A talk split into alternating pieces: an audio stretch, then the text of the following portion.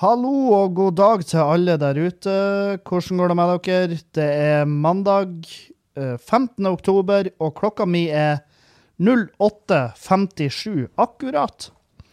Så i dag var jeg sånn eh, relativt tidlig på han, og det er jeg fornøyd med. Det skal ikke mer til for at jeg føler en mestringsfølelse, da. Ah, nå ligger jeg Jeg ligger faktisk og spiller inn podkast. jeg skal til og med legge ut et bilde av akkurat hvordan jeg ligger. Så når du hører det her, så kan du se det på, på Instagrammen min. Um, Instagrammen min er Kevin understrek Kildahl. Så det kan du gjøre med en gang. Så kan du se for deg hvordan jeg ja, Så kan du se for deg hvordan jeg ligger når jeg spiller inn podkast. Og da ser det rett og slett eh, Og jeg skal til og med filme Herregud, hvor meta det her blir. For nå filmer jeg i sanntid at jeg spiller inn podkasten. Så sånn her foregår det. Tenke seg til. Hvordan går det an? Men det er i hvert fall sånn her det er. Eh, sånn. Der ligger jeg. Alt er klart. Katten får i seg mat. Sånn ser det ut, da. Ja, i hvert fall. Um, herregud, for ei eh, For ei helg, for ei uke, for, ei, eh, for et liv. Jeg har um, Vi har Fjøsen live på, um, på fredag, og um, og det her er første Fjøsen live som ikke har vært utsolgt. Og, og det var egentlig veldig greit, fordi at uh, det var Eh, det var ikke så trangt, og eh, jeg følte jeg fikk eh, mer tid til enhver publikummer, så det var kos. Det tror jeg, jeg tror de sa pris på det. Um, og det var, det var, god stemning. Uh, Morten André Volden tok turen. Uh, Tord Rune Kvikstad tok turen som vanlig. Og, og det, var, nei, det, var, en jævlig fin kveld. Vi kosa oss. Uh, og noen vil kanskje påstå at vi kosa oss litt i mestlaget. Det er vel det. Det er vel der det ligger ofte. Um, og um, ja, dagen før Fjøsen Live, altså på torsdag, så, så var jeg på sånn ølsmaking og femretters i lag med guttene og, uh, på Hundholmen, og det kan jeg det kan jeg med hånda på hjertet anbefale, spesielt hvis du er litt Hvis du er interessert i ølbrygging. Hvis du uh, bor i nærheten og er interessert i ølbrygging, så vil jeg anbefale det, fordi at uh, det er mye å lære, mye spennende historie i, i Hundholmen. Og han fyren, han kisen der, han har peiling og er så sykt inter, interessert i, i brygging. Og um, Nei, så det var det var, en, det var en fin kveld, det. Da, da gikk jo som frykta. Fordi at når jeg er på denne kuren min, så jeg har ikke drukket på kjempe, kjempelenge. Og um, altså, kjempelenge i mine øyne det er sikkert flere her som er sånn ja, 'Jeg har ikke drukket siden mai. Jeg har ikke, jeg har ikke smakt alkohol siden mai.' Ja, ja, ja, greit. Men for meg så har jeg ikke drukket på en mannsalder. sant? Og eh, i tillegg så er jeg på denne kuren, og det vil si at eh, vi har jo da spekulert i at kanskje jeg ikke blir å tåle så mye. Og eh, vi har jo ikke spekulert. Det, det er jo ren, rein jævla Eh, fornuft som tilsier at jeg ikke kom til å tåle så mye. Og det gjorde jeg ikke. Jeg kan ikke drikke alkohol.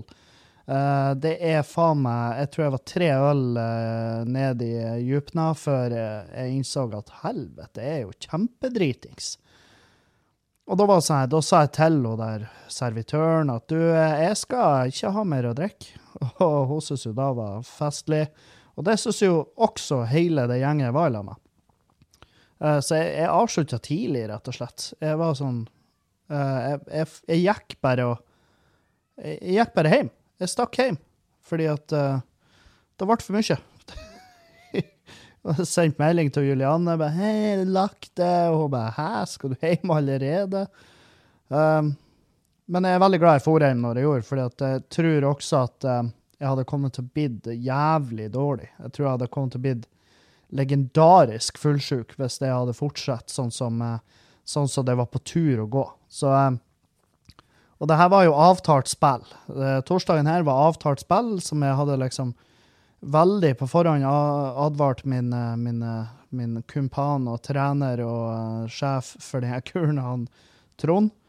Og eh, Trond Kitussi uh, fortalte meg at det skulle jo gå fint. Vi, eh, vi planlegger jo ut ifra da, og så jeg, og så fortalte kokken om da, at jeg var på ketose, om han kunne ta, om han kunne ta høyde for da, og det var et rungende ja, det kan vi.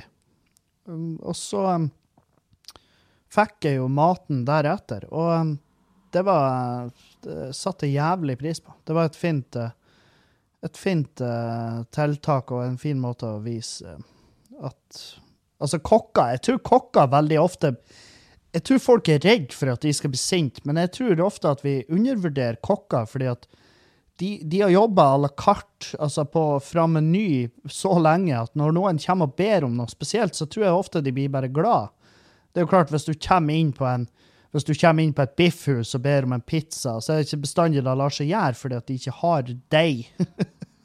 men eh, men eh, små, små justeringer jeg, jeg, tror i hvert fall Det er jo sikkert noen kokker som hører på det her, så hvis dere har noe Jeg vil gjerne høre hva dere mener. Er det sånn at når folk kommer med spesielle ting, eh, ønsker sånn, er det sånn at dere blir forbanna, eller er det sånn at det går greit?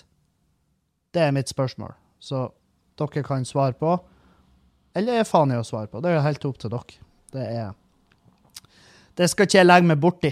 Um, nei, og problemet var jo at uh, jeg gjorde det her på torsdagen, og så på fredagen så var det Fjøsen Live. Uh, og da skulle jeg strengt tatt være edru, og det var jeg ikke i det hele tatt. Jeg cheata som faen. Uh, ja, mange vil påstå at jeg i løpet av helga har datt ut av kuren, og det, det har jeg ikke. Det er da vi må huske. Vent litt, nå, er- nå klikker den katta. Hva det er, pus? Jeg hører det. Lær deg å snakke, så kanskje jeg kan hjelpe deg.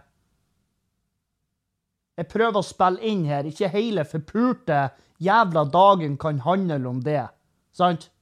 Du er en katt. Skulle det handle om det, skulle du ha blitt skuespiller eller noe. En blogger. Bli en influenser. Influenserkatt. Så bryr vi oss. Men inntil da, så hold du kjeft. Takk. Jesus. Ja. Hvor var jeg? Ja, jeg cheata og jeg, Og eh, datt ut i Ja, fredagen. Og eh, Ikke sant? Og eh, Men det fine med det, da, det er at jeg er jo spent, selvfølgelig. Eh, Og det er det verste av alt. Jeg gruer meg ikke, men jeg er mest spent på konsekvensene. Vil det her vises på eh, vekta? Nå, for jeg skal veie meg i morgen. Og eh, jeg har allerede kommet så langt i det kuren at at jeg ikke er ikke lei meg. Og det sa jo han Trond, at når du, det, når du feiler, når du gjør sånn her Når du er på en slankekur, eller uansett hva det er du gjør, hvis du cheater, hvis du feiler, og du blir å gjøre det sa han også jævla tidlig. Du blir gjøre det. Men når du gjør det, så må du nyte det. Du må ikke Hvis du spiser en hamburger, så må du ikke sitte og skjemmes når du spiser den. Du må nyte den. Ellers er det jo ikke verdt det. sant? Og jeg var sånn Ja, han har jo et fette godt poeng. Og problemet er jo at folk ofte når de detter ut, så detter de ut hele tida. Altså, de detter ut eh, konstant, og de detter ut for evig. sant? Så de bare 'Nei, jeg datt ut, så jeg orker ikke å gjøre den kuren lenger. Det er ikke vits.' Hvis faen er det vits? Det sier seg jo sjøl at det er vits. Fordi det er jo en grunn til at du er der til å begynne med, sant? Så um, Så jeg, jeg fortsetter nå uh, uh, og ikke sant, jeg, jeg bare et shakes, jeg et suppa, jeg et sjokoladebars, alt det driten som jeg har kjøpt via kuren. Og, um, og det, det blir jo fortsette å ete, fordi at uh, jeg skal fortsette på kuren sjøl om jeg har ja, datt ut av den i helga. Og, jeg- og jeg har regna litt på det, og jeg tror ikke Jeg tror ikke Jeg tror ikke at uh, det har gjort noe sånn spesielt utslag. Jeg vet ikke om vi når sesong to denne uka, det tviler jeg på, men, men allikevel så tror jeg ikke det er noe problem å bare sette i gang igjen. Så um, Og um, Nei, så jeg har trua. Og det, det Poenget mitt er at hvis du feiler uansett hva det du gjør, om det er en kur eller om det er noe som helst, jobb eller kjærlighet eller hva faen, så ja, feil i det. For det er hele, det er halve greia. ikke sant? Så lenge du holder blikket på hva slags mål du har, så er det bare å fortsette. For det, det er jævlig mange som er sånn Nei, det funka ikke for meg. det Jeg datt ut ei helg, og etter det så er det bare blitt sånn. Så ja, men da hadde du ikke lyst til å drive på med det, da. Sant? Du hadde ikke lyst til å drive på med det. Hvis det er noe, hvis du feiler i et kjærlighetsforhold, eh, du, du, gjør noe dumt, ja, ja, ei opp til det du har gjort, sant?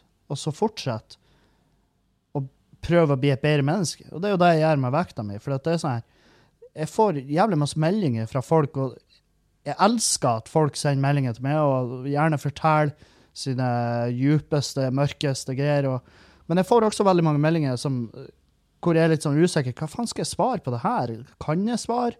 Um, og folk som uh, Jeg har fått meldinger fra folk som er sur fordi at jeg driver på å gå ned i vekt. Fordi at det får dem til å føle seg dårligere.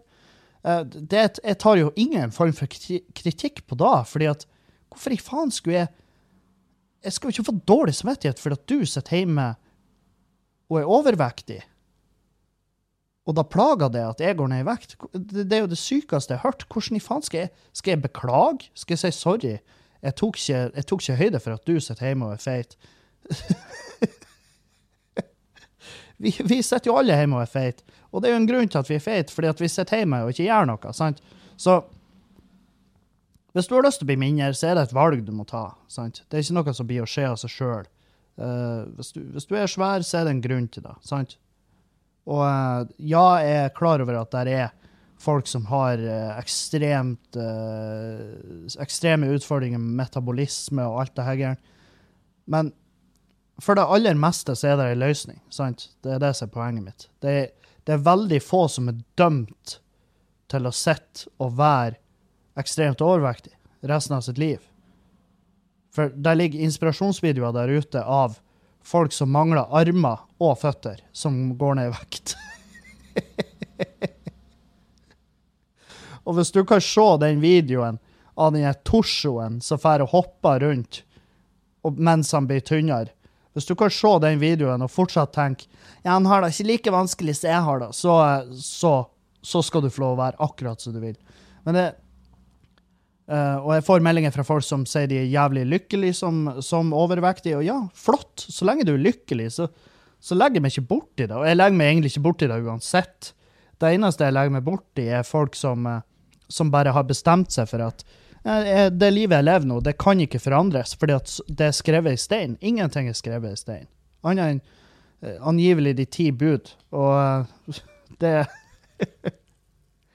virker som en jævla tungvint plass å skrive ting. Men uh, hva veit vel jeg? Um, det er ganske sykt at han at han gikk opp uh, Altså, han gikk opp et fjell, og så rissa han inn noe greier på, på, en stein han fant, og tok den med seg ned igjen. For det første må det være jævla tungt å få bære på. Uh, sånn svær skiferhelle. Men han gjorde det. Tok, tok seg turen opp, fant ei skifrelle, skrev en masse piss. Tok med seg ned og bare 'Hei, se hva Gud ga meg.' Og folk bare 'Nei'. Gud har akkurat samme håndskrift som det. Bare, ja, ja, ja, nei, du vet nå hvordan det er. og så følger de. Alt det han har skrevet på den steinen sin, alt det er bare følger de slavisk. Uh, som leder meg til å tenke at han kunne ha utnytta det der bedre. Ikke sant? OK, her står på steinen at alle damene må, må gå ned på meg. Uh, alle jentene i det gjenget her. Uh, spesielt du, Laura. du. oh, religion. Det er, så, det er, så, fantastisk artig. For folk tror seriøst på det. Og det er så vanskelig å, å ha en samtale med en sånn person, fordi at jeg, for det eneste jeg står og tenker når jeg prater med sånn dypt kristne, eller hva man Altså de som kjøper alt det her Det eneste jeg tenker, er bare sånn Hører du det sjøl? Hva er det som foregår her? Og folk bare kjøper det. Og jeg syns det er kjempeartig å ha de samtalene med dem. fordi at da de ikke vet, er at inni hodet mitt mens de står og prater, så står jeg og hyler Din jævla gærning! Din forbanna tulling! Slutt å snakke! Skjønner du hvor vanskelig det er å ta det seriøst, eller? Sant? Så um, Nei. Um, faen, hvordan klarte jeg å få slanking til å handle om religion? Jeg vet ikke. Men det er da det her handler om. Jeg prater jo bare piss, og så går det ut, og så Og så, ja.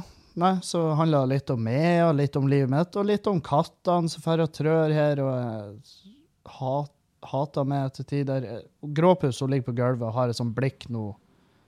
For jeg har pratet om det, at katter de fantaserer om å drepe eierne sine, og akkurat nå så gjør hun det. Hun fantaserer om å, om å rive ut adamseplet mitt. Mm, det gjør du. Jævla ondskapsfulle lille kjøttklump. Øh. Vi får ikke Det er ingen som melder seg som, som vil adoptere de kattene. Jeg syns det er spesielt. Jeg syns det er litt kjipt, fordi at de er jo Det er jo nydelige katter.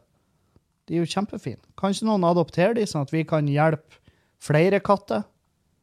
Det, misforstå meg rett, jeg kommer sikkert til å skrike når de her kattene en dag blir henta, men uh, der er også mange andre som trenger, trenger fosterhjem, så, så vi er litt sånn Kanskje Kan ikke noen adoptere de? Men de er jo gamle, og de er tjukke, men de er jævlig kos, sant?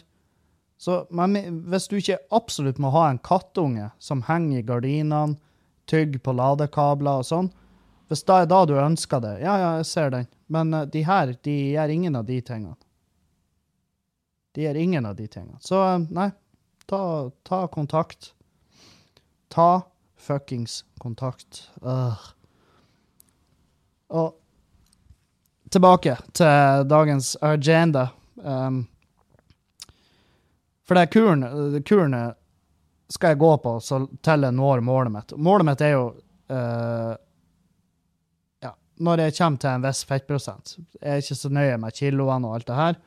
Um, I siste har det vært mye prat om løshud, som er Jeg syns løshud er et ekkelt ord. jeg har aldri forbundet løshud med noe fint. Altså, fordi at uh, Nei, jeg vet ikke. Det, det, ser rart ut. Og um, men jeg har, ikke, jeg har ikke egentlig vært noe redd for det, og jeg er ikke redd for det foreløpig heller. Og, og jeg har fått masse meldinger etter jeg prata om det på torsdagen, at jeg tror ikke jeg blir å få noe sånt spesielt problem med det. Og jeg har fått masse tips om uh, hva jeg må spise og drikke for å unngå løshud. Um, og takk for det. Takk for alle de tipsene. Um, jeg tror at Jeg tror uansett at det blir å gå fint. Jeg tror det blir å gå helt fint. Og, jeg, og mange spør hva som motiverer meg, og det er jo tusen ting. Jeg har lyst til å kjøpe, jeg har lyst til å kjøpe meg klær. Jeg har lyst til å bli en, en, en sexy jævel.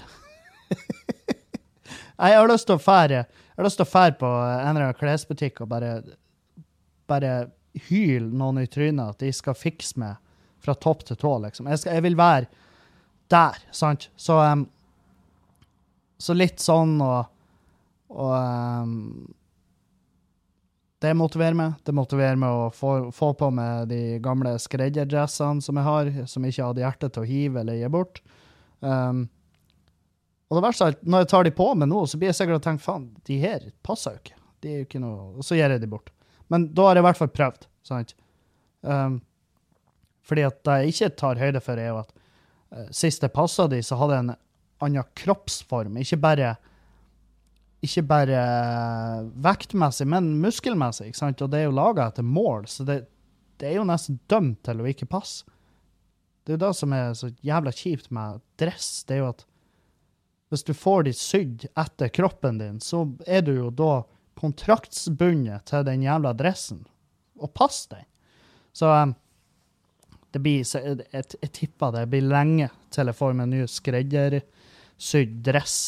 Men og, og dere som hører nå og tenker 'herregud, det er ikke rart at det er pengeproblemer'. Nei, men det her er, det her er skreddersydd av små hender i, i et eller annet asiatisk land, vil jeg tro. Fordi at jeg møtte en fyr på et hotell. Han tok mål. Jeg betalte hva, 2000 kroner, så fikk jeg en full dress etter mål. Sant? Så det var billigere enn å kjøpe meg en dress på Dressmann, og den passa.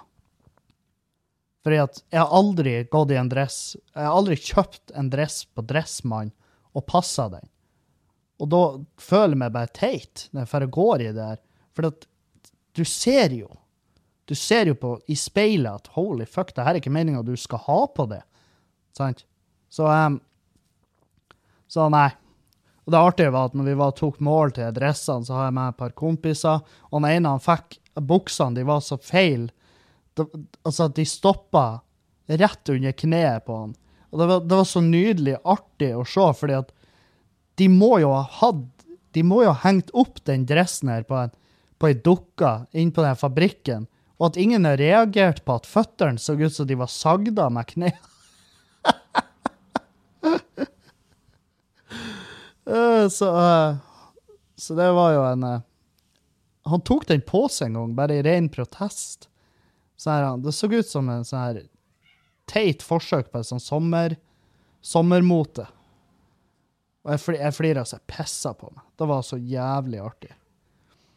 Men eh, Nei, det er en av de tingene liksom, som motiverer meg. Annet er at jeg driver på å planlegge allerede. Jeg har planlagt masse måltid som er, som er sunn og god og bra. Um, jeg har kjøpt meg vakuumpakker uh, til mat, sånn at jeg kan uh, Sånn at jeg kan lage sånn sous vide Sous vide. Sous vide. Sånn, altså sånn vannbadmat. Sant? For jeg har lenge lukta på en sånn maskin. Sant? Sånn sous vide. Sous vide. Jeg tror det uttales sous vide. Sous vide. Og jeg har lenge lukta på en sånn maskin. De koster jo faen meg alt ifra 1000 til, til 20 000, sant?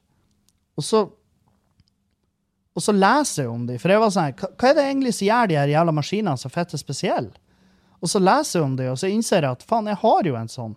Det er jo, altså ølbryggeren min, uh, ølbryggemaskin, den varmer opp vannet til en spesiell temperatur, og sirkulerer det. Sånn at det holder perfekt unison temperatur. Og det er akkurat da ølbryggemaskinen min gjør, og det er akkurat da de her maskinene består av. Så at folk kjøper de, er egentlig rart, fordi at de vet bare ikke hva det er de gjør, maskinene. De er jo svære, de, de er jo i veien. Sant? Hvis jeg kjøper en sånn, så vet jeg at da kommer Julianne til å bli småirritert, fordi at plutselig så har vi noe på kjøkkenet her som tar jævla masse plass, som jeg bruker en gang i måneden. sant?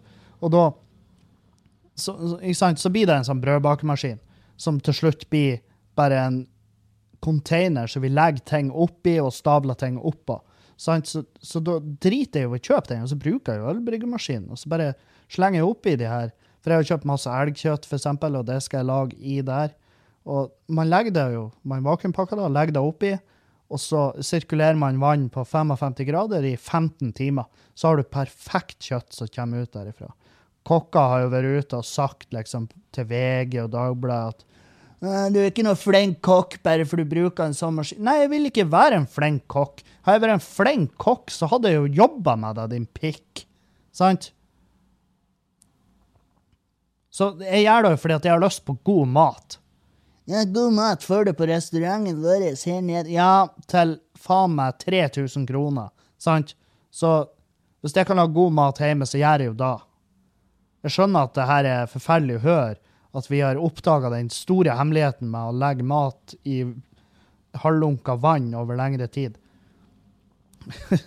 jeg skjønner at det truer yrket deres, men det gjør ikke det. Fordi at når man drar på en restaurant nå i dag, så er det ikke fordi at vi er i mangel av å lage god mat hjemme. Det er vi drar på restaurant fordi at vi har ikke lyst til å lage mat hjemme. Vi har lyst til å ete en annen plass, i en annen atmosfære. Og vi har lyst til at noen skal lage maten for oss, sånn at vi slipper å ta oppvask, og vi slipper å stresse med det. Det er hele greia med å ete ute. Sant? Så det man betaler for, er roen. man betaler for roen, Og det at man kan bruke tida på å sitte på telefon i restauranten og ikke ha en samtale med hverandre, og, det, og nå snakker jeg av For jeg er en pikk med telefon. Jeg må slutte, jeg må skjerpe meg, jeg må fuckings finne andre ting. Og, og det er slemt mot hvem nå enn det er du drar ut i lag. Jeg får dårlig samvittighet i det sekundet at jeg innser at helvete, Kevin, nå sitter du på telefon, og Julianne sitter der, og, og hun òg sitter på telefonen fordi at du gjør det. Så det, det må vi faen meg Vi må skjerpe oss, alle. Fordi at jeg er så enig. Med en gang jeg ser en melding at hvis du sitter på telefonen når jeg og du henger lag, så er du en drittsekk. Og det er jeg helt enig i. Jeg er en drittsekk, og det er bare å arrestere meg på det. fordi at eh, Selvfølgelig, av og til må jeg hastesvare på noe, men da sier jeg det. Men når jeg sitter og trykker bare for å trykke, hvis jeg sitter og scroller i Instagram-feeden på ubrukelig piss som blir posta, så fortjener jeg egentlig ikke å være der i lag med hvem nå enn jeg er der i lag med. Sant? Uansett hvor jævla uinteressant de er. Og nå sier ikke jeg at Julianne er uinteressant, men det, det har hendt seg at jeg har plukka opp telefonen fordi at jeg har følt at faen, uansett hva jeg og denne personen prater om, så er det ikke spennende. Og jeg har ikke følt det med Julianne, men, men jeg har følt det med masse andre, andre folk. Og, men det er jo litt mitt, mitt ansvar òg. Hvis du ikke er interessert, hvis du syns at du ikke får noe ut av en samtale, ta nå opp et tema som du syns er spennende, og så ser du om det stikker, om det sitter fast. sant? Det er noe Ja, jeg vet faen. Nei, så jeg har planlagt masse måltid. Jeg har planlagt uh, jeg har planlagt så mye. Uh, langtid Og alt er jo langtid. Hvis dere har hørt meg snakke om mat, så er jo det beste jeg vet i hele verden, det er langtidsstekt kjøtt. Og uh, det er fordi at jeg syns det er fantastisk godt. Det, du kan gjøre det med alle typer kjøtt. Og, og så er det også en For du Når det er langtidskokt eller stekt, så er det sånn her Da, da løsner kjøttet kjempemye lettere. Det er lettere for kroppen å fordøye det. Sant? Og det er ofte et problem med kjøtt. Det er at du spiser en du spiser en medium rare biff, sant? Det tar kroppen jævlig lang tid å bryte ned den jævelen der, for han er jo rå innvendig. Sant? Så, så, det tar kroppen Det er mye arbeid for kroppen å bryte ned det her driten her. Og, og det er også jeg er blitt veldig var på. Jeg begynte å tenke på det. Det, å, det er noe som jeg bruker tid i hodet mitt på å tenke på. At hvor lang tid tar det kroppen min å kvitte seg med det her? Sant? Så um, alt som er langtidsstekt, syns jeg er gøy. Syns jeg er jævlig gøy. Um, nei, så um, Jeg en måltid som faen. Og ei av utfordringene nå er jo at jeg, må jo, jeg skal jo ikke ha karbohydrater. Så alle her potet uh, Det er jo et sånn her uh, Potet, hva skal jeg gjøre der? Uh, men grønnsaker er jo jævlig godt. Hvis det er stekt eller brasert i et eller annet. Sant? Det er helt sykt. Jeg blir sulten av å prate om det. Jeg burde jo egentlig ikke prate om det. Men eh, dere fortjener å høre. Dere fortjener å høre. Åh, gud. Annet enn da sitter vi og venter som idioter på møbler fra Jysk. Jysk. Jysk. Jysk er jo eh, Det er jo faen meg Det er jo møbelverdens McDonald's, sant? bare med jævlig lang leveringstid. Og um, ikke jævlig lang, det er det ikke, men uh, vi har bestilt oss en garderobe nede, sånn at jeg kan få ta klærne mine og ha de i samme etasje som jeg dusjer i. Um, og så har vi bestilt oss et kjøkkenbord, og så har vi bestilt oss en sovesofa. Og det artige er at når du bestiller sant, i butikken der, så er det sånn Ja, det er leveringstid én til fire uker. ikke sant? Og jeg bare Ei til Ja, når får vi um, og, og, da var jeg sånn Jeg hadde lavt blodsukker, jeg var litt arg, liksom, og jeg var sånn her Når får vi um, Når får vi beskjed om når møblene kommer? Jo, altså, du får, du får SMS eh, når møblene er klare for henting. Å ja. Ja, jeg, jeg skjønner da. Det, det forstår jeg. Og det er bra. det setter jeg veldig pris på, for det er veldig greit om møblene ikke bare ligger og støver ned hos dere, og så bare Hvorfor har du kjent deg tidligere? Det ligget her i fem uker. Selvfølgelig er det bra at jeg får en SMS når de er klar, de er klar for henting, men når kan jeg få en beskjed om ca. når de kommer? Fordi at tidsspennet én til fire uker er ganske mye. Det er ganske mange dager der. Det er en måned, sant? Og det er jo det jeg spør om, sant? Når, når kan jeg forvente en bekreftelse på når det kommer? Og hun bare Ja, altså, som sagt, du får den SMS-en. Og da begynte og da var Juliane lag med meg, og, var, og hun, hun merka så jævlig at jeg ble irritert. For jeg var sånn Ja, men er det ingen form for mellomvarsling? Eller er det bare sånn Ops, nå er møblene dine her, kom og hent de, takk. Er det ingen form for Møblene dine er forventa inn på lager hos oss i neste uke. Hei, møblene kommer om fire dager. Det er bekrefta fordi at de er foren fra hovedlageret vårt oppover hit. Er det ingen form for sånn? Og hun bare sto der, og, og hun ble stressa, og hun var sånn Nei. Og jeg bare Nei, supert, takk. Og så gikk jeg, og jeg var sånn Helvete, for ei kønt jeg var nå. For en jævla drittsekk jeg er. For forferdelig fyr.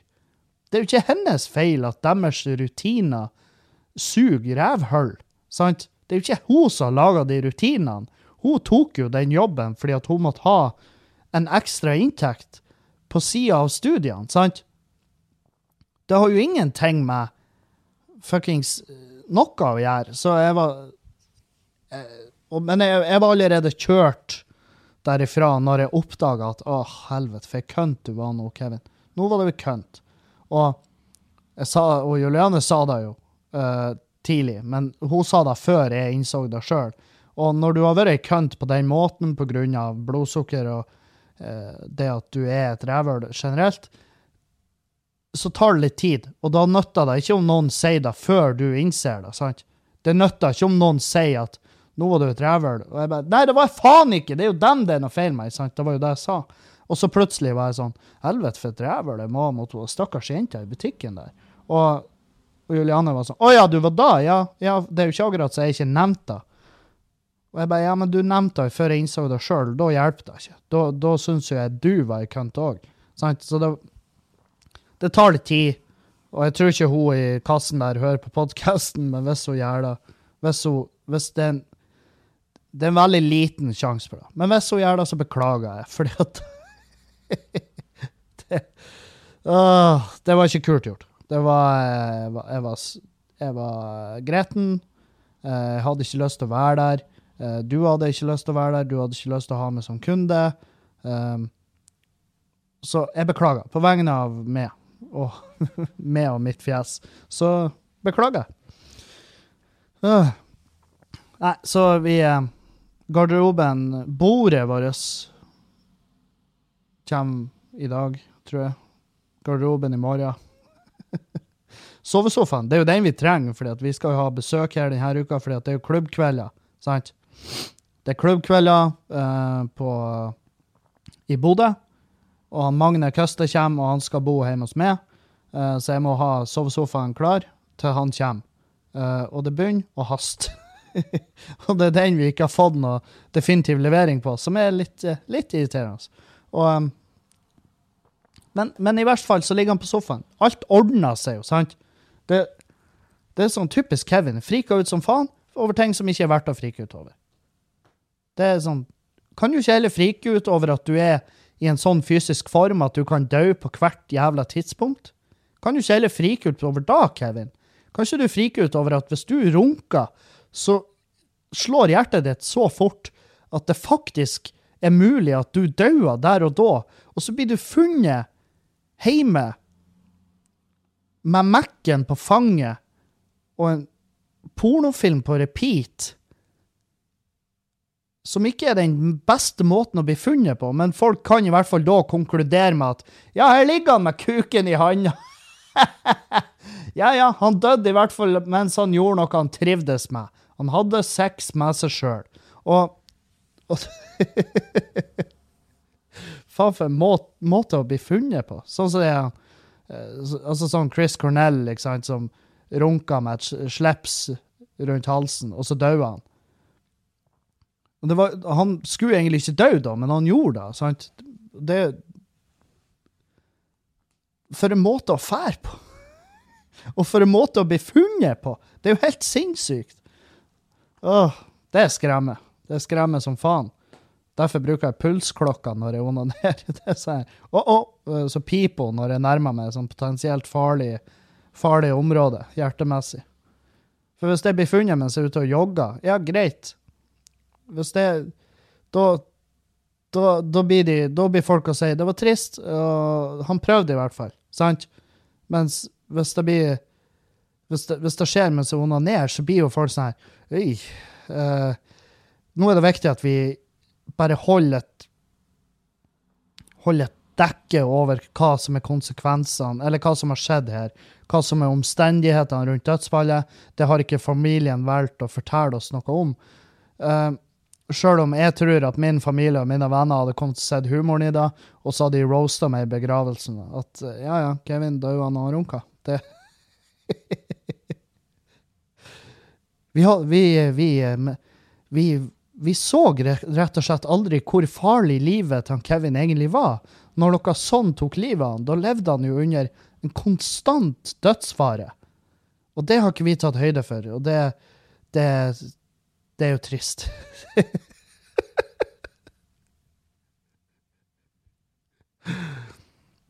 Ja.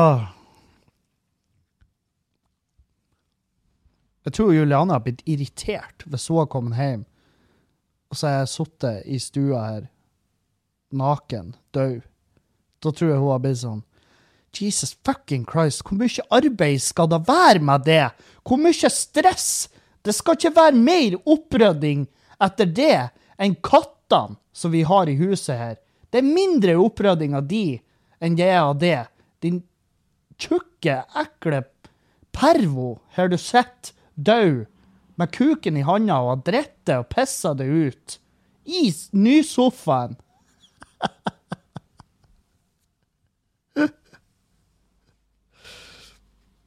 Ja, uansett hvor død jeg har vært, så skulle jeg ha klart å presse ut det siste. Sorry. oh. Men tro da, hvis du er i den situasjonen, hva er det du prioriterer? Sant? Du kjenner at hjertet begynner å bare Å, å, nå foregår det noe. Og det er ikke, en, det er ikke et klimaks. Stresser du med å legge bort pornoen? Eh, Stresser du med å legge bort kuken? Hva, hva har du tid til? Jeg vet ikke hvor Hva er det egentlig du har tid til når du kommer i denne situasjonen? Eller får du bare panikk, og så skjer det ingenting, og så bare stivner du? Vi har noen leger her, så de kan jo si ifra. For det er jo greit å vite for min del liksom, hvor mye tid har jeg på meg når det først skjer. Ikke hvis det skjer, men når det skjer. hva, hva rekker jeg å gjøre? Det beste har jo vært om jeg rekker å legge ned Mac-en, fjerne alt, uh, kle på meg, sprenge og hent gitaren, sette meg ned, og så virker det som at jeg døde mens jeg prøvde å lære meg å spille gitar. For da ble jeg sånn Ja, ja, det var ikke meninga Kevin skulle spille gitar. Kevin prøvde seg på idyll, og verden så på det som eh, det her er ikke en person som fortjener å leve, så vi tar og henter han. For alle som spiller idyll, må dø. Det, det, altså hvis du har på et tidspunkt i livet ditt tatt opp en gitar på noen form for sosiale lag og spiller idyll, så er Hvis du plutselig blir truffet av en del som har falt løs fra ei romferge, og den skyter gjennom atmosfæren og treffer deg midt i panna, så er der en gud, og han finnes ikke i det pisset her, sant? Så spill noe, spill noe annet. Og det her sier jeg mens jeg har faktisk spilla det åpningsgreiene på Jeg tror det er Nothing Else Matters. Den her dun, dun, dun, dun, dun, dun, dun, dun, dun. Og så kan jeg ikke mer. Jeg har ikke lært meg mer. Men jeg har fått jævlig masse videoer fra folk som har sendt meg Folk har sendt meg masse videoer av at eh, det går veldig fint å spille gitar over hånd. Um, og så har jeg fått mange tips om at det finnes gitarer med tynn hals, og til og med funker til dine hender. Uh, da vet jeg, men jeg var på Intune og prøvde sånne gitarer. Og til og med en barnegitar, en barnegitar, en bitte liten jævel, ser mest ut som en banjo. Eller en sånn her Hva det heter Ukulele. Ser ut som ukulele. Til og med de når jeg ikke rundt på. Så små er hendene mine. De er bitte små. Og de på butikken syntes det var rasende festlig hvor, hvor små hender jeg har. Så det blir overhåndsspilling. Det blir det. Eh, Jeg kan ikke spille underhånd uh, uten å se jævlig teit ut, for jeg må, jeg må, sånn der, jeg må, jeg må ha tommelen på feil side av halsen på gitaren for å klare å spille underhånd. Så, eh, men takk til alle som har sendt meg video at eh, kule folk som spiller overhånd. Det gir meg trua på at ja, ja, jeg kan, da gjør jeg det, da. Uh, det tar jo ifra meg alle muligheter til å spille som trubadur på Leningen, uh, som er kanskje veldig bra. Det er nok det beste for alle. Jeg tror ikke de på leningen heller hadde satt pris på om jeg uh, kara meg inn i booking der og bare driter meg ut totalt foran de. Uh, fordi at en ting er jo å spille gitar, men jeg kan jo ikke synge heller. Så, eh, så det her er mye. Mye å ta tak i her. Og det, jeg har jo bare lyst til å lære meg et instrument. Men hvorfor måtte jeg velge gitar? Hvorfor kunne ikke jeg lære meg å spille et munnspill? Sant? Eller ei eller annen fløyte. Fløyt, fløyta med veldig små avstander mellom de her hullene på. Sant? Ei blokkfløyte. Sjøl om blokkfløyta skulle ha vært fuckings ulovlig, etter min mening. Skulle, blokkfløyte skulle være ulovlig, uh, for det er ikke greit. Det er ikke greit. Uh, Nei, men jeg skal lære meg Jeg skal lære meg å spille gitar. Jeg har tida til det, så hvorfor i faen skal jeg ikke lære meg sant? Så jeg skal bruke så og så mange minutter hver dag, og så til slutt så blir jeg verdensmester. Jeg blir ikke verdensmester. Det blir ikke. Men det er masse jeg har lyst til å lære meg. Og gitar er en av de. Øh. Men uansett, kom på klubbkvelder. Gjør det. Kom for faen på klubbkvelder. Vi trenger da at folk kommer, og det er solgt masse billetter allerede, og det er vi jævlig glad for. Og eh, at folk kjøper på forhånd. Det er det smarteste dere gjør. Sist på Lendingen så var det masse folk som kom, og det var utsolgt, og de var sånn Herregud, er utsolgt, hva faen er det her for noe? Se det her, det er populært. Så, eh, og jeg tar jeg har Min sympati for det, den er faen meg så jævlig kort, den. Den er kortere enn den mest pistrete penisen i verden. Den er så kort. Min, min sympati for det er så forferdelig fra, fraværende. Den, og det, det er gyldig fravær, til og. Det, min sympati for det har tatt ut egenmelding. Så jævla lite bryr jeg meg om hvor synd det er i det som ikke er bestilt billett på forhånd. og, eh, og det samme gjelder showet som jeg og Jodski skal ha i Meløy. Der er også billettene solgt. eh, Det er solgt jævels masse. Det kommer til å bli utsolgt, og vi gleder oss som faen til det. Eh, Det, ut, det ene showet jeg har i Trondheim, 10. november, det er utsolgt. Men vi har satt opp ekstrashow 9. november, og der er vi over halvveis, godt over halvveis utsolgt. Så kjøp billetter dit på forhånd hvis du har tenkt deg dit. Hvis ikke, så kan ikke jeg hjelpe deg. For det er virkelig ikke plass til mer folk der. Åh, 10. november. Tenk at jeg driver på og plugger show 10. november, 9. november. Det er liksom Det er så jævlig kort tid til jul nå. Nå er det straks jul igjen, og eh, jeg er ferdig med julegavehandel. Bam! Jeg er ferdig. Jeg har kjøpt julegave til Julianne. Jeg har eh, Og til onkelungene mine, ikke sant, så de får penger. Nå er jeg lei. De får penger, og det er de som får gave. Onkelungene mine og Julianne. Uh, kanskje han pappa. Jeg har ikke helt bestemt meg ennå. Men til han pappa så har jeg brukt å kjøpe ei flaske alkohol. sant? Uh, et eller annet som han liker. Og, em, og det er rett og slett fordi at han eh, ga meg liv.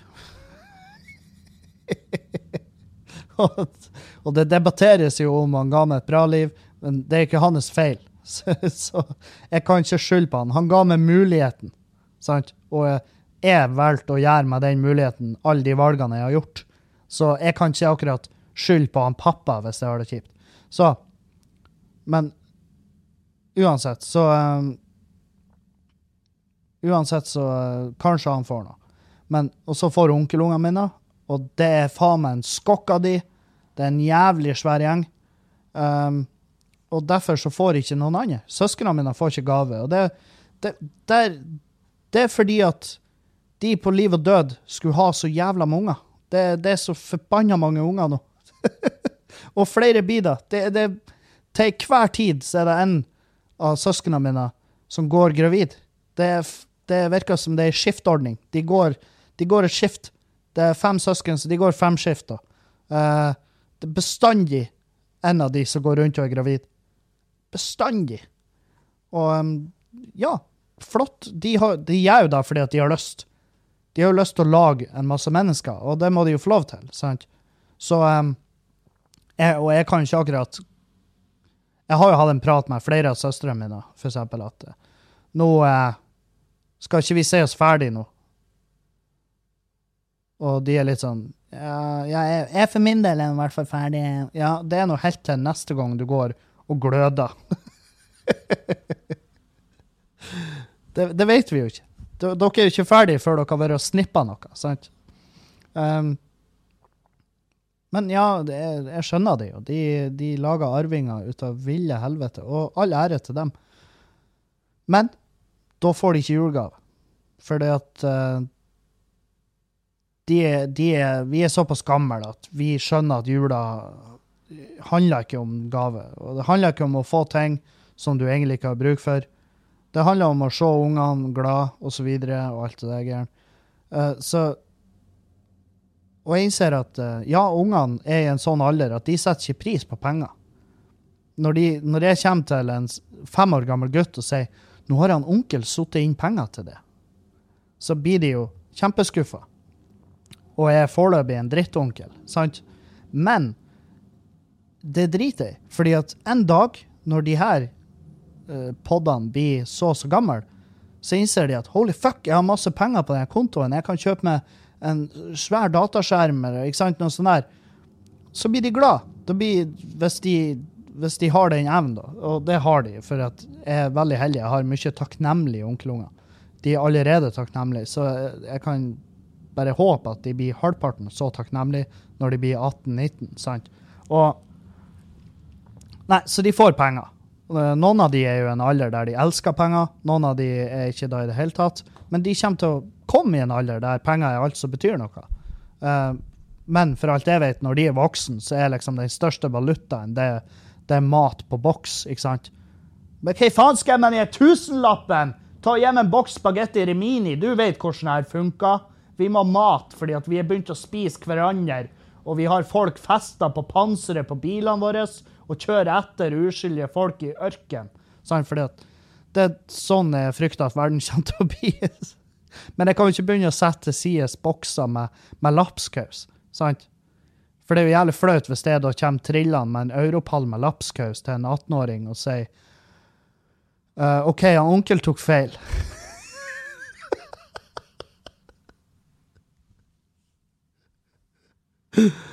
uh, onkel tok feil. Og uh, jeg anerkjenner da, og jeg vet at du er blitt vegetarianer, så du må nesten plukke ut de her kjøttbitene i lapskausen. Uh, men jeg lover deg, den holder hold til du dør.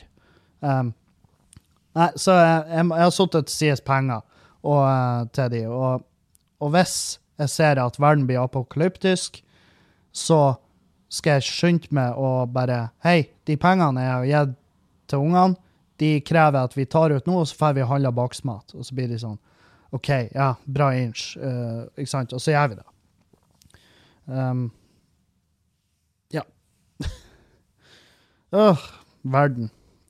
Og det, verden, den ligger an til å bare gå dit den, den Der den blir å havne. En saudiarabisk eh, kritiker av eh, Altså, en, en saudiarabisk høytstående samfunnskritiker ble kidnappa på det, arabiske konsulat... Konsul... Konsulatet? Ambassaden, ish, i Tyrkia. Og der har de da hogd han i biter og frakta han derifra, mens kjæresten hans sto utafor og venta på oh, så de er ikke så jævla smooth da, i sin gjennomføring. Um, og det, det, er så jævlig masse som peker mot at det er akkurat det som har skjedd. Det har kommet et, De har sendt et sånt Death Squad fra Saudi-Arabia. De har til og med egen sag med seg. De har tatt med sin egen sag fra Saudi-Arabia i privatflyet. Foret dit til Tyrkia. Uh, sannsynligvis krangla masse med han kisen her, så har det eskalert, og så har det endt med at de har saga han i biter og frakta han ut derfra i kofferter. Uh, mens kjerringa sto og venta på han. Uh, og han åpenbart kom jo ikke. han skulle bare få annullert et ekteskap, så at han kunne gifte seg med henne, doktorgradsstudenten. Stakkars jenta. Herregud. Hun sto der og venta på typen sin, at livet skulle ordne seg, nå skulle de endelig få ting på plass. Og så bare innser hun at holy fuck, han blir ikke å komme. Han kommer ikke. Tenk på det. Tenk på det. Åh. Og det her er jo selvfølgelig krise. Det, det er jo kjempekrise, fordi at det Nå blir det sanksjoner. Det blir sanksjoner som faen. Uh, USA har krevd å få vite hva som skjer, for han fyren hadde jo amnesti i USA. Uh, og USA er jo egentlig gode venner med Saudi-Arabia, men det vil jo nå kun potensielt gå til helvete. Tyrkia er dritsint. Uh, fordi det er jo ikke greit at de driver på og sager opp folk. Det er jo ikke bra. Det, er jo ikke, det, det bygger jo ikke akkurat tillit til noen her i verden. Så um, øy, Nei, Faen for en uh, sak. Altså, Vi blir jo mest sannsynlig aldri å få et ærlig svar om hva som har foregått her. Men han har jo uh, kritisert uh, styret i det landet, og det gjør du ikke. Du, du kritiserer ikke det saudiarabiske styret, landsstyret. Og det, jeg har forstått det sånn at det er sånn her 900 000 prinser og konger, og det, det, jeg, jeg vet ikke hvordan de har bygd opp landet, men det det, det et kjapt Google-søk, så innser du at der er, der er det veldig masse kokker, og dermed veldig mye søl. Og noen av de har tatt en avgjørelse på å få han fyren drept. Og det er åpenbart at det er da som har skjedd, sjøl om de nekter. Så Hva annet har vi? Jo Å, det her er en fin sak. Det er selvfølgelig en fyr som har vært ute og trødd. Han har hasj i lomma. Eh, og så har han her fyren Han vet jo ikke. ikke sant? Han vet jo ikke. Men han har eh, gått forbi lokalet der de arrangerte NM i narkohund. så er det selvfølgelig en hund der som klikker og sprunget han ned. Og uh, han ana fred og ingen fare. Han skulle bare Han har sikkert vært nettopp og henta seg. Skulle hjem og lage seg en liten joint, slappe av, roe ned nervene. Og så bare er han så jævlig uheldig at han bare tilfeldigvis tripper forbi der de arrangerer fuckings NM i narkohund. Hvor jævlig freak accident er det, når du klarer å gjøre det? NMI narkohund. Jeg har aldri hørt om det. Jeg visste ikke at det fantes. Men allikevel så greide han fyren her faen meg å trippe rett forbi der og bli fuckings tatt. Å, oh, for en liten klump hasj. Stakkars jævel. Kan vi ikke la folk bare være i fred? Altså, jeg skjønner at ja, det er en fyr går rundt med et kilo hasj i ryggsekken. Jeg skjønner at ja, du betaler neppe skatt på inntektene dine på det du selger her. Og det verste av alt, han har sikkert lyst til å betale skatt, men han kan ikke, for det er ingen måte å melde deg inn uten å bli tatt. Men uansett Han prøver. å livnære seg på eh, noe som eh, vi har bare bestemt oss for at det er ikke greit. Og kan vi ikke bruke ressursene på på å ta noen andre enn de som går rundt med en klump hasj i lomma? Så Bodø-politiet nå, de har, gått, de har vært ute, og de har lukta seg fram til ei leilighet her i Bodø. Politiet har lukta seg fram til ei leilighet der det satt tre gutter over stein. Og tru hva da gjorde. tru den angsten når politiet da spenner inn døra der, sant? Og de ble anholdt og tatt for det og får bot fordi at de satt og røyka seg stein. Istedenfor å være ute på byen og drikke seg dritings og spy og knuse ting og, og slåss. Det er så drøyt.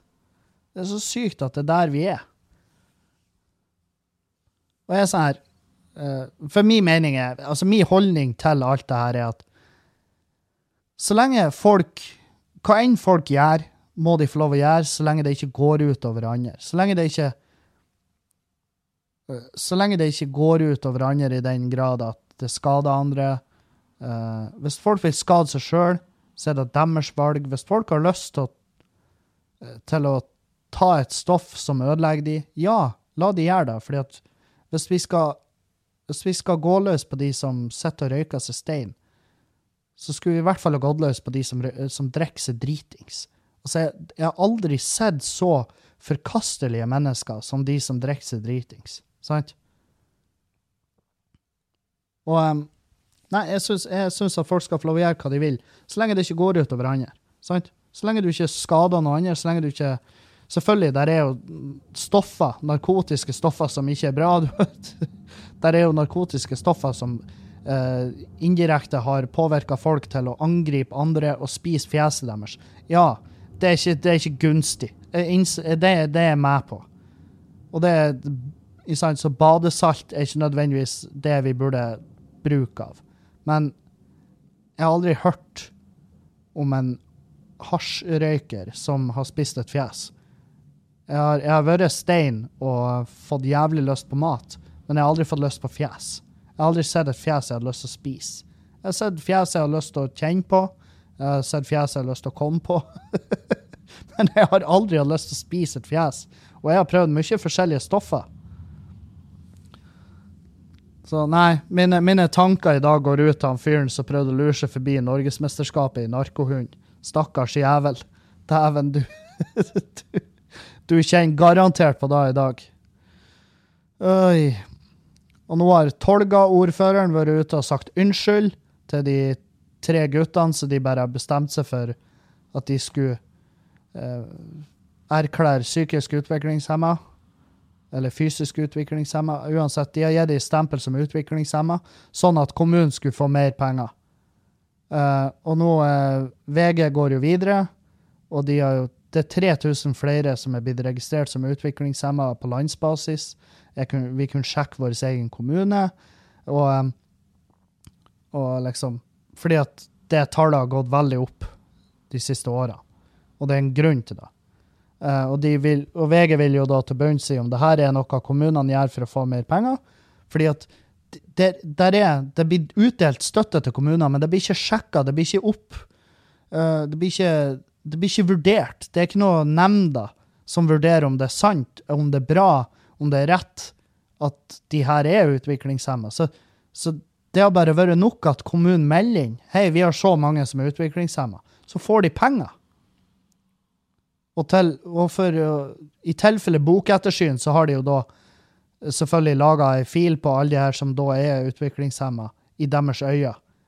For de har fått ei legemelding fra en, en, lege som ikke engang har møtt de folkene det er snakk om. Tenk på det. Så mottar kommunen masse penger, og så mottar sikkert ikke de en dritt av det. Så det er jo en, som det står, det er en klar indikasjon på at noe er galt. Noe er alvorlig galt.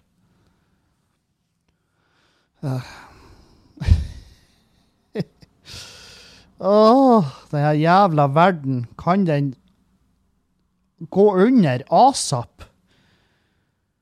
14-åring går seg bort, vil spørre om veien. Altså, det her er USA, selvfølgelig. Mitt favorittland i hele verden. Fire stykk ble drept på en bursdag i helga. Fire stykk ble skutt og drept på en bursdag til en ettåring. ett år gammelt menneske feira bursdag. Fire stykker ble skutt og drept der pga. en krangel. En 14-åring går seg vill. Uh, han, er, han, skal, han skal pekke på ei dør på et hus for å spørre om veien. Og da kommer det selvfølgelig en gærning springende ut med ei hagle og skyter etter han. Og fucking skyter etter han. For et jævla drittland. Og folk, at folk fortsatt klarer å si Nei, altså, det er faktisk i grunnloven vår at vi skal ha våpen. Vi må kunne beskytte oss sjøl. Vi må i dagens samfunn kunne beskytte oss sjøl mot 14-åringer som skal spørre hvor skolen deres er. Helvete, for et jævla møkkland! Jesus Christ. De krangler om hvem som er den sterkeste fyren, eller hvem som har best unge, på en ettåring. En, en ett år bursdag klarer de å begynne å skyte hverandre. Og fortsatt mener folk at de må ha våpen. Det er faen meg så fitte sjukt. Åh, jeg, blir- jeg blir Nei, jeg blir forbanna. Jeg blir rett og slett dritsint. Åh, satan òg. Jævla folk. Så vi se her. uh, vi har fått en del spørsmål. Vi skal gå løs på spørsmål. Spørsmål. Og det er veldig bra at dere sender spørsmål. Veldig bra. Hei og hopp. Fra Hør torsdagens podkast nå, og jeg tenkte jeg måtte dele litt kunnskap og erfaring om vekttap og løshud. Da jeg var 27, brukte jeg åtte måneder på å kaste fra meg 55 kilo. Dæven. Etter overvektsoperasjon. Uh, I parentes. Beste avgjørelse ever. Ga meg et utgang, utgangspunkt jeg trengte for å få skikk på livet og helsa osv. Bla, bla. Og det eneste rådet jeg fikk fra kirurgen, var A. Vitaminer underveis i prosessen. B. Væske for å unngå dehydrering, som sliter på alle typer celler. C. Søvn. Og D. Litt for varme dusjer eller badstue i ny og ne. OK. Må sies at sistnevnte har jeg aldri funnet logisk, men kanskje det var utslagsgivende. Who the hell knows? Uansett, akkurat oppført brystreduksjon og løft. Bra for det. Som er direkte konsekvens av vekttap. Mens overskuddshammen på mage, lår og rygg er minimal, og egentlig ikke sjenerende heller. Men vitnesbyrd om reisen jeg har gjort, og mitt krigsmerke. Så bra. Stå på videre, det er spennende å høre, og en stadig påminner om hvor sterk man må være mentalt og fysisk for å gjennomføre vekst- og kostholdskampen, med seier i andre igjen. God søndag videre. Tusen takk for det. Uh, ja, det Du har jo uh, hevet av det 55 kilo på åtte måneder etter overvektsoperasjon. Det er kjempebra. For det kan hende jeg tar feil, men overvektsoperasjon, da tar de vel og knyter magesekken, er det de gjør? At de gjør den bare bitte små, sånn at du trenger veldig lite for å få den metthetsfølelsen. For det er ofte problemet til mange at de når de da kutter ka kalorier, så bare føler de seg eh, sulten hele tida, som gjør at de krasjer. Og eh, det er jo da jeg er mest imponert over med den kuren her, det er at jeg går ikke rundt og føler meg sulten. Så, eh, så jeg har ikke noe problem der. Jeg, jeg sliter ikke i det hele tatt med det, og det er jævlig godt. For det er da som jeg så for meg kommer til å bli min største, min største utfordring, det er at jeg går rundt og føler meg sulten. Så nei, godt jobba. Uh, hei, jeg har ei historie med et spørsmål til deg i podkasten. Hold meg anonym hvis du finner på å ha den med. Jeg og venninna mi gjennom hele barndommen endte opp på å gå på en skikkelig smell. Vi var på fest og fikk i oss litt for mye. Vi endte opp på et soverom med to andre gutter. Jaså. Under sterk berusning og en peptalk på doen fant vi ut at det var en lur idé å hoppe i en firkant for å styrke vennskapet. Det endte i at når vi møtes nå, så har jeg store problemer med å se henne i øynene, da jeg, kunne, da jeg kun tenker på hvordan hun hyler som en hundekvalp under samleie. Og det dådyrblikket hun ga meg når hun sugde kuken til den ene gutten. Og det verste av alt, jeg vet akkurat hvilket blikk du snakker om. Spørsmålet er hvordan vi skal løse det her, underliggende kleinheter. Og litt tilleggsinfo. Vi fikk ei felles melding fra han ene fyren ei uke senere av et bilde av en litt småråtna brukt tampong under senga. med et spørsmål om hvem den skyldige er. Spurte venninna mi, og hun innrømte at hun hadde i en tampong rett før akten, og imens hun kledde av seg trusa, så lurte hun den ut og kasta den under senga i ren desperasjon. Han fortalte også om sengetøyet han måtte kaste. Vi blir ikke invitert dit lenger da, for å si det sånn. Wow. Uh, det, her er det, det her er gøye historier. Det her syns jeg er kjempeartig. Um, ja. Rett og slett. Rett og slett. Hvordan skal du løse det her? Hvordan skal du kunne se venninna di i øynene igjen? Ja, det er et jævlig godt spørsmål. Det er ikke bare enkelt for det, uh, kan jeg tenke meg til. Så um, Ja. Jeg, har lyst til å si at du må gjøre det igjen. Mest for å få lov å høre mer. Uh, jeg, jeg svarer jo at denne historien ga meg så mange rare følelser. Um, hva um, Det dådyrblikket hun ga det når hun sugde kuken til han andre gutten, det, det var faen meg helt uh, Den setninga. Den, den, den, den gikk inn på meg. Det gjorde det. Um, hvordan dere skal løse det her? Du må jo prate med henne. Uh, for det første å si at faen Flir, flir mens du sier det her til henne. Men du, hei, du Betty, eller hva venninna di heter.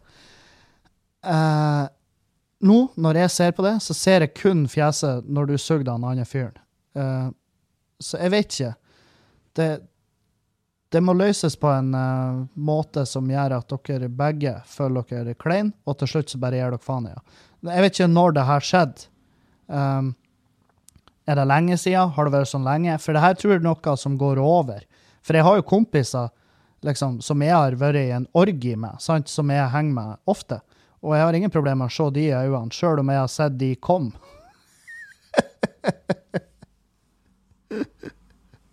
så, eh, så, det er jo der, da. Vi må jo eh, Du må jo bare ta det for det det er. Det er jo bare gøy, sant? Det er jo bare, det er jo bare piss. Det er jo ting vi gjør. Vi er, vi er, vi er dyr, sant? Vi er dyr. Vi er kåte dyr som av og til trenger, å få ut aggresjon via å knulle. Og det er da dere gjorde. Og um, hvis du klarer å bare se på det som at dere bare fikk delvis dekt et basic behov, så vil du bare så vil du klare å flire av det og ikke tenke på det sånn, men du blir å flire av det her kjempelenge. Du blir å flire av det kjempelenge. Du blir og flirer av det helt til du får barn, og så får du angst for at ungene dine er like svinete som det du er. Og det er de. De er mer svinete enn oss. Unger i dag de ser så mye skitt på nett at det er faen ikke til å tro. Sant? Så nei, bare flir av det. For det er ikke noe mer enn det. Det er bare å flire. Å, oh, den historien, den, den likte jeg. Um, Hei sann. Følger med på podkasten din, og der nevner du mye om ølbrygging. Ble litt interessert i å starte med brygging sjøl. Har du noen tips til hvordan bryggesettet burde ha, osv., osv.? Ikke noe altfor dyrt. Du, eh, jeg er feil mann å spørre, fordi at jeg begynte veldig høyt, har jeg fått høre fra andre bryggere. Så um, det spørs hva budsjettet ditt er. Hvis jeg skulle ha begynt på nytt å brygge nå, så hadde jeg fortsatt begynt med en grainfather-maskin. Fordi at uh, det er det eneste jeg kan med. Der er noen som brygger bare vanlige kjeler på komfyren sin. Jeg har, ikke, jeg har ikke kommet til å få det til. Jeg hadde ikke orka det. For det stresser meg å følge temperaturer og alt det her. Så, um, så jeg vet da faen. Jeg ville bare du, Det spørs hva budsjettet ditt er. Men jeg hadde kommet til å kjøpe en startpakke med en Grainfather. Det er det jeg hadde gjort. Men, men, samtidig, jeg hører folk som er veldig fornøyd med netthandelen, bryggemaskin, bryggemaskin fra Europris, der, uh, som funka helt fint. Jeg har bare ikke prøvd de sjøl, så jeg vet ikke. Men jeg hadde gått for en Grainfather. Jeg hadde det. Så uh, Skal vi se Ja. Hei, Kevin. Awesome podcast. Vet du har vært innom temaet dåp tidligere, og uh, jeg vet vel cirka, sånn cirka hva du føler og tenker om temaet. Er i samme kategori og er redd for å ta fyr de gangene jeg setter føttene innenfor Guds hus. ja, der er me, you and me both, brother. Spørsmål. Jeg og min samboer har en datter som er døpt. Før dåpen foregikk en mer eller mindre heftig diskusjon om hun skulle døpes. Uh, fruen min argumenterte for dåp med tanke på tradisjoner etc. Helt uinteressant for min del. Mens jeg forakta religion i alle dets former og farger. Hun mener det er helt ufarlig, mens jeg ser ikke poenget å risikere at datteren vår skal indoktrineres. Usikker på om jeg skrev det riktig. Jo, det gjorde du. I denne kollektive virkelighetsfjerne sinnssykdommen. Utfallet ble jo selvfølgelig dåp. Sånn det ble. Utfallet ble jo selvfølgelig dåp, med det kompromiss at vi ved et eventuelt giftermål ikke gifter oss i kirka. OK, nå kommer spørsmålet. Er det her greit? Um, ja, det er greit. Fordi at uh, ungen din har ingen kognitive evner. Ungen din har ingen uh, forhold til religion. Sant? Så det her Dere, dere uh, konfirmerte ungen i kirka som, som Fordi at det er en tradisjon. Det er vel forventa sikkert av slekt, av folk rundt dere. Og, em, og da Å, herregud. Uh, da var mikrofonstativet Det var ikke med. Um, nei, så um, Nei, faen, hva jeg skal si? Jeg syns jo at, uh, jeg synes jo at uh, en navnefest er jo mye bedre enn en dåp. Hvorfor i faen skal vi på liv og død innom kirka og høre på alt det pisset der? Hvorfor skal vi gi ungen til Gud? Han har ikke Han har ikke krav på noe. det er jo din jævla unge. Så Men samtidig, det, det vil ikke Du trenger ikke å frykte at ungen din blir indoktrinert fordi at den er døpt. Det, det har ingenting å si. Fordi at ungen din må før siden ta stilling til om ungen Ja, altså om det her, for det, ungen blir jo et menneske etter hvert. Foreløpig er det jo bare en klump med hud og kjøtt og ingen evner til å tenke. Så det er altfor tidlig at den ungen skal bli smitta av kristendommen, sant? Og eh, Så vær nå heller litt mer skeptisk til det når eh, ungen blir eldre, konfirmasjonsalder. Da kan de begynne å bli påvirka. Da kan de bli påvirka. Så da vil jeg Jeg ville heller være nøye med ungen fremover. At når de begynner å lære ting, når de begynner å forstå ting, at du, at du er nøye da med å prate med ungen og få den til å resonnere og tenke rundt det. Og hvis ungen er eh, reflektert nok, så vil jo mest sannsynlig ungen da konkludere med at wow, hvor rart det er at folk tror på det her. Det er jo kjemperart. Det gir jo ingen mening. Og så er ikke ungen kristen. sant? Og så kan ungen da ta en stilling til om, eh, om den vil melde seg ut eller ikke av kirka, osv. Så, videre. så um, så det kompromisset er bra, fordi at et giftermål det er mellom to voksne personer, heldig, forhåpentligvis. Og som regel så er det da, i Norge i hvert fall, så, eh, så et giftermål så er det to voksne mennesker som skal eh, joines. Og hvis de gjør det i kirka, i foran og gjør det eh, i en park med en eh, samfunnskritiker som uh, vier dere, eller hva nå enn det er, Eh, jeg, hadde, jeg har ikke lyst til å gifte meg i noen kirke. Hvis jeg skulle ha gifta meg, og det tror jeg også Julianne, hvis vi skulle gifta oss, så tror jeg hun har vært veldig på mitt lag der, at vi hadde gjort det en annen plass. Fordi at ingen av oss har noen form for forhold til religion, annet enn at vi flirer av det og syns det er dumt.